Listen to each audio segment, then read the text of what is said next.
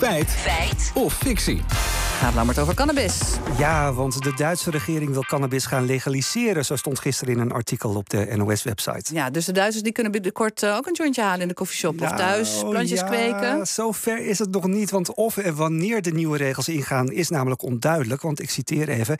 Internationale en Europese wetten staan de legalisering van cannabis in de weg. Kan er dan op internationaal en Europees dus niveau besloten worden dat Duitsland cannabis niet mag legaliseren als de regering daar ook zelf mee instemt? Ja, dat we uit. Belden allereerst met Margriet Brandsma, oud-correspondent in Duitsland natuurlijk, om haar te vragen waarom een deel van de Duitse regering nu cannabis wil legaliseren. Dat heeft te maken met het feit dat, uh, dat er in Duitsland natuurlijk gewoon uh, op grote schaal ook ge gebloot en wordt en, en, en joints gerookt. Dat is nu uh, illegaal, op wat voor manier dan ook. Dus gaan bijvoorbeeld heel veel Duitsers naar Nederland om te kopen of wat dan ook. Dat veroorzaakt overlast in beide landen. Dus er is in Duitsland een, een vrij brede wil om tot een vorm van legalisering te komen. Maar ja, voorlopig lukt dat niet, want er ligt inderdaad een aantal verdragen in de weg, vertelt historicus op het gebied van Nederlands drugsbeleid Arjan Nuiten. Je hebt onder andere de Single Convention, dus dat is een VN-verdrag. En er zitten ook nog andere verdragen aan vastgeklonken. En daar heeft Nederland en ook Duitsland zich aan gecommitteerd. En op basis daarvan zouden ze cannabis alleen maar voor medische en wetenschappelijke doeleinden mogen vrijgeven. En dus niet voor recreatief gebruik. Maar zegt hij nou dat Nederland zich daar ook aan gecommitteerd heeft? Terwijl, ja, de realiteit ja. is toch heel anders hier? Ja, wij geven er creatief een beetje onze eigen invulling aan, zegt Nuiten. Eigenlijk zeggen wij dus dat we ons wel aan de verdragen houden. Omdat we dus wel cannabis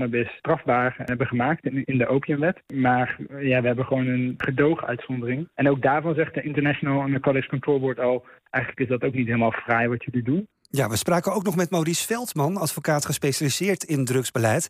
En hij zegt dat ons gedoogbeleid voor grote problemen zorgt. En dat is nu precies wat ze in Duitsland niet willen. In Nederland heeft dat halfslachtige gedoogbeleid van je mag het wel verkopen, maar je mag het niet uh, telen of, of in grotere hoeveelheden in voorraad hebben. Dat heeft geleid tot het ontstaan van criminele organisaties. Want iets wat, wat je met de ene hand toestaat en met de andere hand streng verbiedt, ja, daar stappen criminele organisaties in. Maar er wordt natuurlijk wel geëxperimenteerd hier met het legaliseren van het telen. Ja, dat klopt, maar dat schiet allemaal nog niet echt op.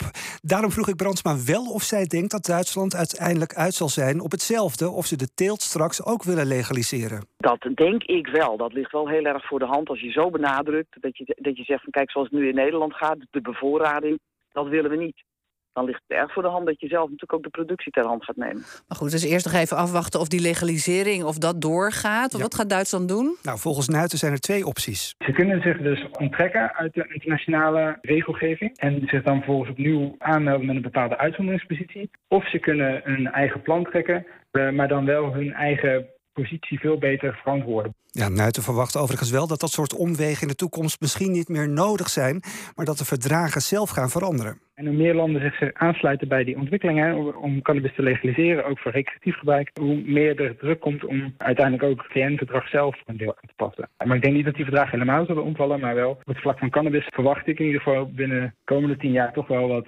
meer ruimte. Maar voorlopig dus niet legaal blow in Duitsland. Is dat feit of fictie, uh, Het is een feit. Er zijn verdragen op internationaal en Europees niveau... die uh, de legalisering van cannabis kunnen bemoeilijken. Het is alleen de vraag hoe streng iedereen zich aan die verdragen dus houdt.